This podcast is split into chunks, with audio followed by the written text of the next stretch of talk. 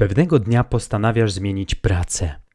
Nie wnikam już, czy ze zmianą pracy idzie również zmiana branży na IT, bo być może akurat pracujesz w innej branży, ale załóżmy, że tak właśnie jest. Tworzysz więc CV, Curriculum Vitae. Szlachetnie brzmiąca nazwa, jak na świstek papieru, którym spamujemy potem firmy.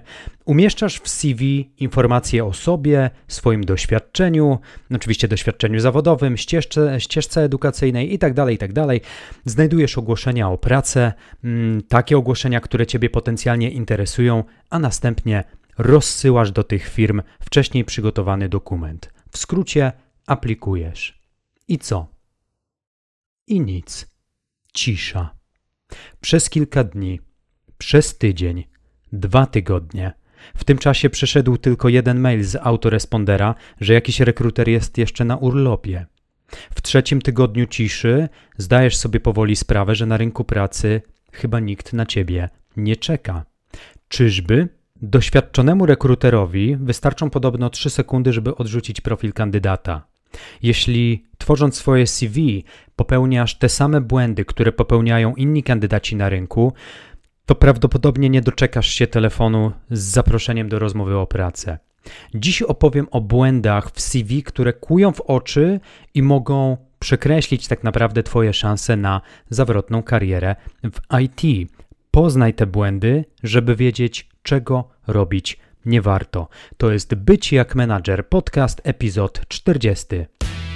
W wieku 16 lat wiedziałem, że chcę robić wybitne rzeczy w gronie wybitnych specjalistów. Zostałem więc menadżerem i choć zarządzanie to niełatwy kawałek chleba, uczę, jak to robić na najwyższym poziomie. Jestem Mariusz Najwer, a to mój podcast o zarządzaniu w IT. Dzień dobry. CV to jest Taka nasza wizytówka w świecie zawodowym to jest pierwsza rzecz, którą potencjalny pracodawca zobaczy, zanim zdecyduje, czy w ogóle chce nas poznać osobiście. I w obecnych czasach umiejętność tworzenia skutecznego CV to jest umiejętność zdobywców. Ludzi, którzy nie tylko chcą, ale także wiedzą, jak zdobyć miejsce pracy, na którym im zależy. Ja mam nadzieję, drogi słuchaczu, że Ty także zaliczasz się do takich zdobywców. A jeśli jeszcze nie czujesz się zdobywcą, to mam nadzieję, że po dzisiejszym podcaście już to się na pewno zmieni. Zanim zaczniemy, zobowiązanie wobec konwencji mojego podcastu nakazuje, żebym przypomniał, że wszystkie swoje audycje kieruję do szeroko pojętej branży menedżerskiej: kierowników projektów, kierowników produktów, scrum masterów czy analityków biznesowych. Serdecznie zachęcam do zapisania się na mój newsletter na blogu byciakmanager.pl. Wyjaśniam też, że nie handluję danymi, czyli imieniem i nazwiskiem, jakie zostawiasz, nie wysyłam spamu, a ten newsletter to jest y, jedynie źródło informacji o nowych podcastach, które publikuję, ale też dzielę się czasem różnymi przemyśleniami. Stali subskrybenci, którzy mnie śledzą, już o tym wiedzą. A dzisiaj przedstawię Tobie, drogi słuchaczu, parszywą trzynastkę. 13 błędów w CV, które często popełniają kandydaci poszukujący pracy. Zanim jednak wyjaśnimy sobie, jak CV nie powinno wyglądać, powiedzmy sobie najpierw, jakie informacje najczęściej zawiera takie standardowe CV, re resume, jak to się ładnie z angielskiego mówi. Niby wszyscy to wiedzą, co takie CV zawiera, ale przypomnijmy to sobie w ramach takiej rozgrzewki, zanim wejdziemy w mięcho. Pierwszą rzeczą, bez której CV chyba nie może istnieć, to są dane kontaktowe, czyli jakieś imię, nazwisko, znaczy nie jakieś, twoje imię i twoje nazwisko, adres, numer telefonu czy adres e-mail. I od razu mała uwaga ode mnie, jeśli dodajesz adres, to nie musisz pisać nazwy ulicy, numeru bramy, numeru mieszkania, koloru drzwi wejściowych. Trzymaj się zasady, że mniej znaczy więcej. Wystarczy, że napiszesz z jakiej miejscowości pochodzisz, w sensie w jakiej miejscowości mieszkasz. Ewentualnie można czasem dopisać jeszcze województwo, jeżeli pochodzisz na przykład z jakiejś niewielkiej wsi, o której być może mało kto jeszcze słyszał. Drugą rzeczą, która znajduje się w takim standardowym CV, też nie ma zaskoczeń, to jest doświadczenie zawodowe. To jest taka sekcja, bez której ciężko sobie wyobrazić CV, aczkolwiek, co też często powtarzam juniorom i tylko juniorom to powtarzam, można zbudować taki dokument nawet wtedy, gdy takowego doświadczenia nie posiadasz. Najczęściej doświadczenie opisujemy w bardzo klasyczny sposób, czyli nazwa stanowiska, miejsca pracy, mm, poprzednie miejsca pracy, daty od kiedy do kiedy taka współpraca miała miejsce, jakie mieliśmy obowiązki, czasem też jakie osiągnięcia na danym stanowisku. I to wszystko układamy zazwyczaj chronologicznie. Tutaj większej filozofii nie ma. Trzecią rzeczą, która, którą zawiera standardowe CV, to jest informacja o wykształceniu. Jedne źródła sugerują, żeby wypisać historię naszej ścieżki edukacyjnej, z kolei inne źródła sugerują, żeby umieścić tylko studia wyższe, najlepiej kierunkowe. Do tego tematu również wrócimy w drugiej części podcastu przy okazji popełnianych błędów. Umiejętności to także rzecz, którą należy wpisać w CV. W skrócie zawierasz to, co potrafisz robić. No, nie wiem, jak to jeszcze inaczej y, można nazwać. Teoretycznie powinny to być umiejętności, które e, masz dobrze, dobrze rozbudowane w sensie nie, nie, wpisujemy tam rzeczy, które po prostu potrafimy robić, ale teoretyczne, teoretycznie, które robimy dobrze. Na przykładzie mojej branży powiem, że to jest dość ważny kontekst, ponieważ zarządzać umie prawie każdy, ale nie każdy robi to dobrze. Radzę więc pomijać wszystkie te umiejętności, co do których nie czujemy się pewnie. E, skille są ważną informacją w CV, ponieważ Umiejętności to jest jedna z tych rzeczy, które interesują naszych potencjalnych pracodawców. Na pewno bardziej interesuje niż adres zamieszkania, jeżeli jest to chociażby praca zdalna. Kolejną rzeczą w standardowym CV, jaką zobaczymy, to różne certyfikaty i kursy. Tutaj nie muszę nic do, dodawać. Jeśli ukończyliśmy jakieś kursy kierunkowe, zdobyliśmy jakieś certyfikaty, to w CV jak najbardziej można to zaznaczyć. Szóstą rzeczą, którą sobie wynotowałem, która znajduje się w takim standardowym CV, to znajomość języków obcych. Ich znajomość też często interesuje naszego pracodawcę, zwłaszcza jeżeli będą to zespoły rozsiane, mm, struktura firmy jest międzynarodowa, no to tak, myślę, że tutaj język angielski czy jakieś języki towarzyszące typu niemiecki, czasem hiszpański na pewno się przydadzą albo będą wręcz wymagane. Osiągnięcia i nagrody nie zawsze pojawia się taka sekcja w CV, no bo nie każdy z nas dostaje nagrody. Być może nie każdy też może pochwalić się jakimiś osiągnięciami, ale jeśli poza certyfikatami i jakimś fajnym doświadczeniem zdobyliśmy może na przykład jakąś nagrodę w branżowym konkursie, to czemu nie? Polecam dopisywać wszelkie osiągnięcia lub nagrody, które mogą zwiększyć jakby Twoją atrakcyjność mm, jako kandydata w oczach rekrutera. Zainteresowania. No, zainteresowania moja mm, osobiście ulubiona sekcja. Bardzo często sekcja dodawana jest opcjonalnie, chociaż w mojej opinii to jest jedna z najważniejszych sekcji, kolumn e, w CV, ale o tym opowiem też e, jeszcze przy innej okazji, w innym podcaście. Najczęściej to jest taki krótki opis naszych zainteresowań, naszego hobby. Ja polecam wypisać co najmniej 3-4 zainteresowania i uwaga, niech one będą jak najbardziej szczegółowo opisane. Na przykład, jeśli lubisz czytać książki, to wspomnij, jakie gatunki literackie ciebie kręcą. Jeśli lubisz oglądać filmy, to w jakim klimacie? Kino azjatyckie, a może komedię Woody'ego Allena? Lubisz sport? Sport też ludzie wpisują często. No to świetnie, ale słowo sport jest zbyt ogólne i tak naprawdę nic o tobie nie mówi. Napisz, jakie dyscypliny uprawiasz. Na przykład amatorska wspinaczka górska albo mm, profesjonalna jazda na snowboardzie. Referencje. Dziewiąta rzecz, która czasem się pojawia, czasem się nie pojawia, czasem się pojawia jako załącznik do CV. Z pozostałych informacji to czasem rzeczywiście do CV dodaje się mm, polecenia od poprzednich pracodawców. Inną rzeczą będzie także portfolio. Jeśli aplikujemy na przykład na stanowisko projektanta aplikacji mobilnych, to portfolio będzie niezwykle ważnym elementem naszej wizytówki. Chociaż wiadomo, że portfolio w obecnych czasach, jak zresztą same, samo CV, to jest y, najczęściej jakby przyjmuje postać wirtualną, jakiegoś pliku PDF. To może być na przykład strona internetowa także, dostępna pod linkiem i na tej stronie rekruter może sobie obejrzeć nasze dotychczasowe prace, projekty itd., tak itd. Tak Ostatnią rzeczą, jaką sobie wynotowałem, to jest cel zawodowy.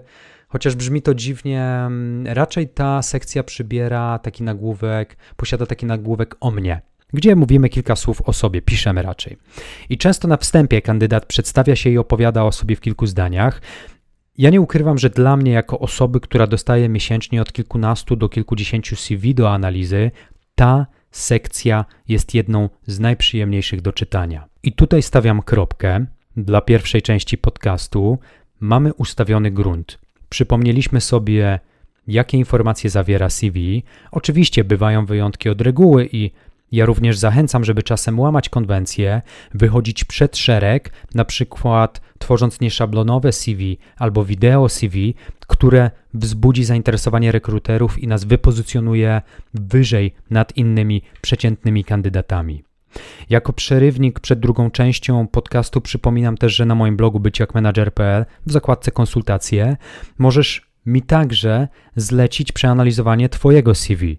Ja takie CV analizuję pod kątem skuteczności, a następnie przygotowuję taki dokument z moimi uwagami i praktycznymi poradami, jak Twoje CV jeszcze bardziej usprawnić, żeby jeszcze lepiej konwertowało. A teraz skupmy się już na mm, naszym tytułowym elemencie dzisiejszego odcinka, mianowicie jakie są najczęściej popełniane błędy w czasie tworzenia CV.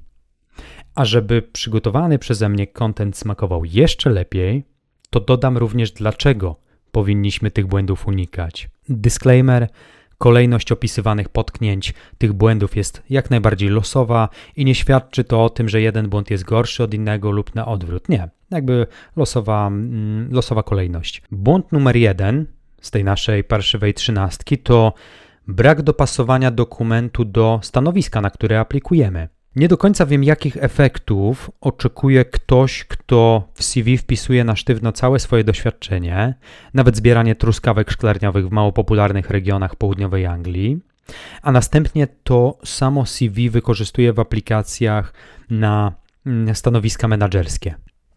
To ma piernik do wiatraka. Wysyłanie takiego generycznego CV do wielu ofert, do wielu pracodawców hurtowo przyniesie nam co najwyżej problem hurtowego odrzucenia naszej kandydatury przez rekruterów. Dostosowanie CV do konkretnego stanowiska oznacza, że podajesz tam takie informacje, albo informacje, które są szczególnie istotne dla tego konkretnego rodzaju wykonywanej pracy. Natomiast mniej istotne elementy pomijasz albo warunkowo wspominasz o nich, ale tylko w ramach jakiejś ciekawostki. Podam przykład. Jeśli składasz aplikację na stanowisko analityka danych, no to chyba warto skupić się jedynie na takim doświadczeniu, które kojarzy się z analizą danych albo bezpośrednio dotyczy analizy danych, na znajomości narzędzi takich jak Excel, na znajomości języków programowania używanych w analizie, na przykład Python. Nie chwalisz się w takim CV, że lata temu dopadł cię zaszczyt bycia przewodnikiem wycieczek dla niewidomych. Po jakimś smutnym rejonie e, elektrowni e, e, jądrowej. No, nie, nie, nie ma jakby, jest to atrakcyjne, ok, albo przynajmniej ciekawe w opowiadaniu, ale to nie ma nic wspólnego z analizą danych. Chyba, że o swoim egzotycznym doświadczeniu chcesz wspomnieć w ramach ciekawostki. To tak, zachęcam. Swoją drogą, jeżeli którykolwiek z moich słuchaczy lub słuchaczek rzeczywiście oprowadzał niewidome wycieczki po smutnych rejonach jakiejkolwiek elektrowni atomowej, to proszę o kontakt, bo nigdy w życiu nie słyszałem o, takim, o takiej profesji. Wymyśliłem ją szczapy. Ogólnie chodzi o to, żeby każda wersja Twojego CV była jak najbardziej zgodna z wymaganiami i oczekiwaniami, jakie stawia pracodawca i jakie są opisane w ogłoszeniu o pracę. Drugim błędem z naszej parszywej trzynastki to jest zawieranie albo umieszczanie w CV zbyt wielu informacji, wpisanie zbyt wielu rzeczy nieistotnych, które tak naprawdę tylko utrudniają poznanie Twoich kluczowych, najważniejszych umiejętności i doświadczeń. Nie wiem skąd ten nawyk u wielu ludzi, którzy CV traktują jak swoją pierwszą oficjalną autobiografię. Tak jakby ktoś chciałby nagle przeczytać naszą autobiografię. Różnica polega na tym, że kiedy ktoś zechce Cię poznać, to zwyczajnie z Tobą porozmawia, zadzwoni, zaprosi na rozmowę. Wtedy jest okazja, żeby się poznać lepiej. Rolą CV jest to, żeby się sprzedać. Ale jak to zrobić? Przykładowo, możesz pokazać siebie jako potencjalnie ciekawą, doświadczoną i kreatywną osobą, osobę. I koniec. Ale jeśli chcesz na kilku stronach dokumentu upchać kilkadziesiąt superlatyw na swój temat, to nie tylko znudzisz rekrutera, ale zaczniesz też przypominać trochę taki chiński produkt. Działanie wątpliwe, ale opis produktu, jakby to był cywilizacyjny cud świata. No, nikt ci w to nie uwierzy. Powtarzam słowa, które już wcześniej padły: mniej znaczy więcej. Trzeci błąd nie jeden błąd, nawet kilka błędów, bo mam na myśli błędy językowe, literówki, błędy gramatyczne, stylistyczne, połamana interpunkcja. Wszystko to może świad świadczyć o Twoim niedbalstwie. I teraz dwa słowa, jeśli przypadkiem jesteś dyslektykiem albo dysortografikiem. Nie zazdroszczę, to po pierwsze, ale po drugie, mnie, jako osoby czytającej Twoje CV, kompletnie to nie interesuje. A Ciebie to w żadnym przypadku nie usprawiedliwia. A to dlatego, że każdy laptop, komputer, mm, stacjonarny, y, nie wiem, tablet ma wbudowany słownik i funkcję korekty. Także jeśli z tych funkcji ktoś nie wiedzieć czemu nie potrafi korzystać, to ja raczej nie chciałbym delegować takiej osobie bardziej wymagających zadań. Czwarty błąd z 13 to jest niechlujna prezentacja naszego CV. Co mam na myśli mówiąc niechlujna?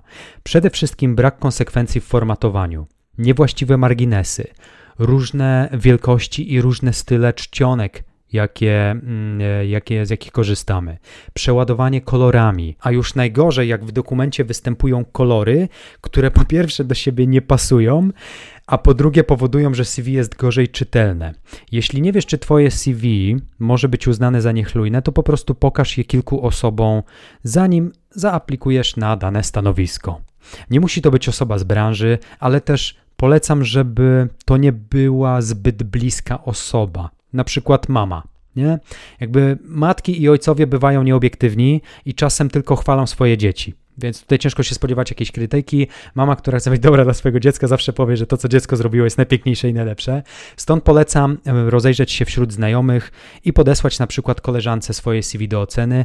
W ogóle wydaje mi się, że kobiety mają lepszy zmysł estetyki i potrafią lepiej diagnozować takie dokumenty pod kątem wizualnym. Ja sam zawsze swoim koleżankom, znajomym e, płci żeńskiej podsyłam różne rzeczy do analizy, jeżeli chodzi o to, żeby, za, jeżeli chcę zasięgnąć opinii Mm, estetki kogoś, kto jest wrażliwy wizualnie. Piąty błąd to są niejasne opisy lub skomplikowany język w CV. I czasem tak jest, że jak piastowaliśmy jakieś ciekawie brzmiące stanowisko w korporacji, na co dzień robiliśmy jakieś branżowe, mało znane szerszej opinii rzeczy na tym stanowisku. Oczywiście wynieśliśmy z tamtej pracy różne, najczęściej anglojęzyczne twory słowne, no bo korporacje rządzą się swoimi także e, lingwistycznymi prawami, a następnie tą całą korporacyjną nowomową opisujemy samych siebie w naszym CV. W tym miejscu część osób najczęściej zapomina, że CV ma być cholera czytelne. A używanie jakichś fikuśnych figur językowych tylko dlatego, że chcemy brzmieć mądrze, wcale nie jest mądrym posunięciem. Polecałbym pamiętać o pewnej zasadzie, że jeśli jest coś, co możesz opisać prościej, tak że nawet osoba spoza Twojej branży to zrozumie, to właśnie tak zrób. I jeszcze jedno w kontekście błędu z niejasnymi opisami: używanie równoważników y, zdań w opisie dotychczasowych stanowisk. Sporo osób pisze na przykład kierowanie zespołem specjalistów do spraw obsługi klienta. Zamiast napisać wprost w swoim doświadczeniu kierowałem zespołem specjalistów do spraw obsługi klienta. Nie pisz o sobie w formie bezosobowej, to jest kierowanie, monitorowanie, tworzenie raportów itd. Tak itd. Tak pisz kierowałem, monitorowałem, tworzyłem, działałem, podnosiłem, i tak dalej, i tak dalej. Im więcej ciebie w tym dokumencie, tym większa szansa, że rekruter zacznie z tobą empatyzować w czasie lektury. Błąd numer 6. Jesteśmy już prawie na półmetku. To jest e, brak wyników i osiągnięć opisanych w CV. Jak czytam CV, które dostaję do analizy, to często kandydaci opisują jedynie obowiązki, które mieli na sobie w poprzednich miejscach pracy, albo zakres kompetencji, i to jest generalnie ok. Aczkolwiek mało kto rozpisuje się na temat konkretnych osiągnięć albo efektów swojej pracy. A to właśnie skuteczność, Twoja skuteczność kandydata, Twoje osiągnięcia najbardziej interesują pracodawcę. Więc jeżeli kierowałeś jakieś projekty, to napisz, jaki był efekt końcowy, że zrealizowałem projekt, dowiozłem do końca mm, to i tamto, y, udało mi się y, domknąć budżet do tego i tego dnia, albo zaplanować budżet dla takiego projektu. Pisz w formie dokonanej i chwal się mówiąc y, naj, naj, naj, najprościej. Siódmy błąd i też ciekawy, chociaż wydaje mi się, że mm, niby estetyczny, ale jednak y, może mieć wpływ na to, jak Twoja kandydatura zostanie odebrana. Mianowicie brak słów kluczowych. Podam konkretny przykład. Jakiś czas temu analizowałem CV przyszłego project managera w IT. To, co mnie zaciekawiło, to to, że człowiek ten miał dość spore doświadczenie w zarządzaniu projektami, ale jego CV tego wprost nie mówiło. Doradziłem więc, żeby pogrubić, wyboldować w CV wszystkie te słowa, na które według nas, według niego powinien zwrócić uwagę rekruter. Nie chcę przed tobą, drogi słuchaczu, malować trawy na zielono, ale też nie chcę stawać w obronie rekruterów, ponieważ wielu rekruterów jedynie przelatuje wzrokiem przez CV. Dlatego wspomniałem o tym, że doświadczonemu rekruterowi wystarczą 3 sekundy czasem, żeby skreślić kandydata. I to nie jest, to nie jest przerysowana opinia teraz. Wiedząc o tym i widząc to, tym bardziej warto zadbać o to, żeby w dokumencie pojawiło się jak najwięcej słów kluczowych dla naszej roli. Przykładowo, jeśli tą rolą jest product owner, to w CV powinny powtarzać się takie słowa kluczowe jak backlog, agile, scrum, zarządzanie procesem, zbieranie wymagań biznesowych, opisywanie wymagań funkcjonalnych, Jira i tak dalej, i tak dalej. Bolduj takie słowa, powtarzaj je, nie bój się ich, bo one określają to mm, jakby charakter tego, w jaką rolę chcesz wejść lub w jakiej roli czujesz się najlepiej. Możemy tak jeszcze wymieniać. Tego typu słowa powinny być naprawdę pogrubione, żeby zakodowały się w głowie tych rekruterów, którzy jedynie przelatują wzrokiem po Twoim CV. Ósmy błąd to brak spójności z innymi profilami w internecie. Co mam na myśli? Wielu rekruterów, co wiem także od moich przyjaciół z branży HR-owej, zaraz po odebraniu CV sprawdzi Twój profil na LinkedIn. To będzie dziwne, gdy okaże się, że w sieci masz inną historię zatrudnienia, inną historię zawodową niż w swoim CV. No, no, jak to? Skąd ta rozbieżność? Takie niespójności między Twoim CV a profilem na LinkedIn, oczywiście, no świat się nie zawali, ale jeżeli są takie rozbieżności pomiędzy CV a Twoim profilem na LinkedIn czy innymi serwisami, to one po pierwsze mogą wzbudzić pewne wątpliwości. Nie jest to karygodny błąd, ale jednak wpływa bezpośrednio na to, jaką masz wiarygodność w oczach e, rekrutera. Także Zadbaj o tę spójność pomiędzy tym, co na papierze, a tym, co w sieci. Dziesiąty błąd na naszej liście błędów popełnianych w CV to niekończąca się lista kursów i certyfikatów.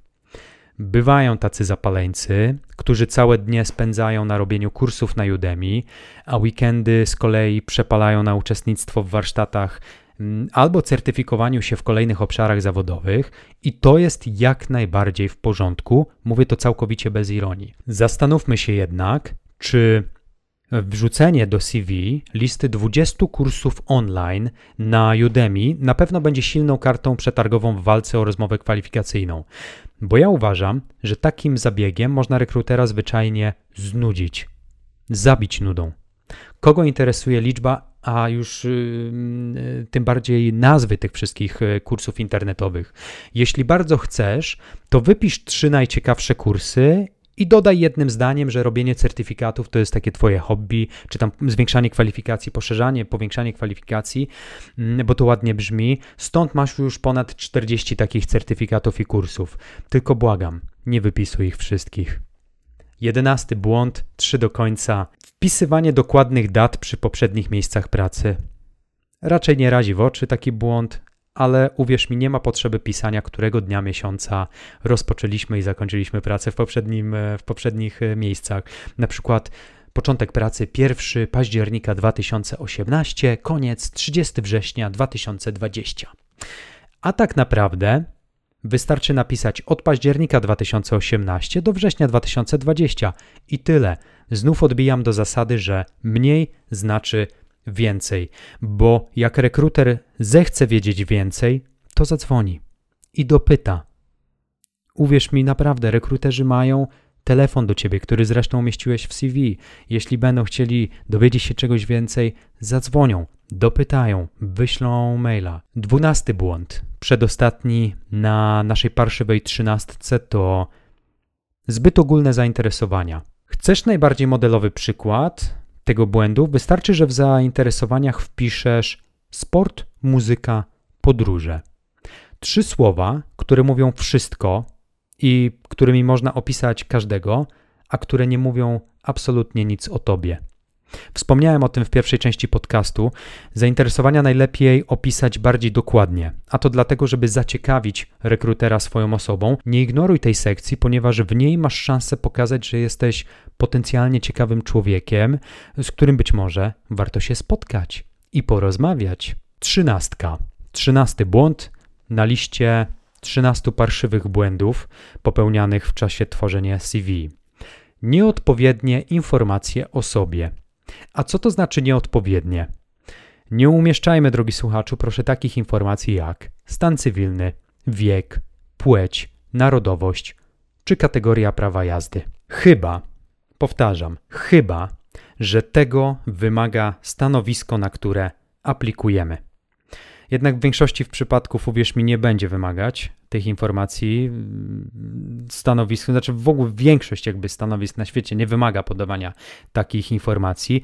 Być może podawanie wieku, dobrze usłyszałeś, bo powiedziałem, że wiek też jest informacją nieodpowiednią.